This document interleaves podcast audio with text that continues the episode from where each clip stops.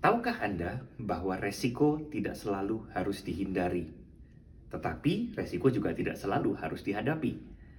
Pengelolaan resiko yang benar akan membantu seseorang untuk dia bisa menghadapi atau menghindari atau bahkan mungkin mengurangi resiko. Pertanyaannya, sudahkah Anda membangun keterampilan manajemen risiko di dalam cara pikir Anda? Sudahkah Anda membangun juga manajemen resiko di dalam pengambilan keputusan Anda.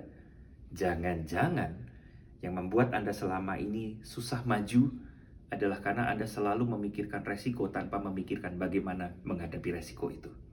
Jadilah seorang risk manager yang baik dan Anda akan menjadi seorang decision maker yang baik juga. Sampai ketemu di video berikutnya and God bless you.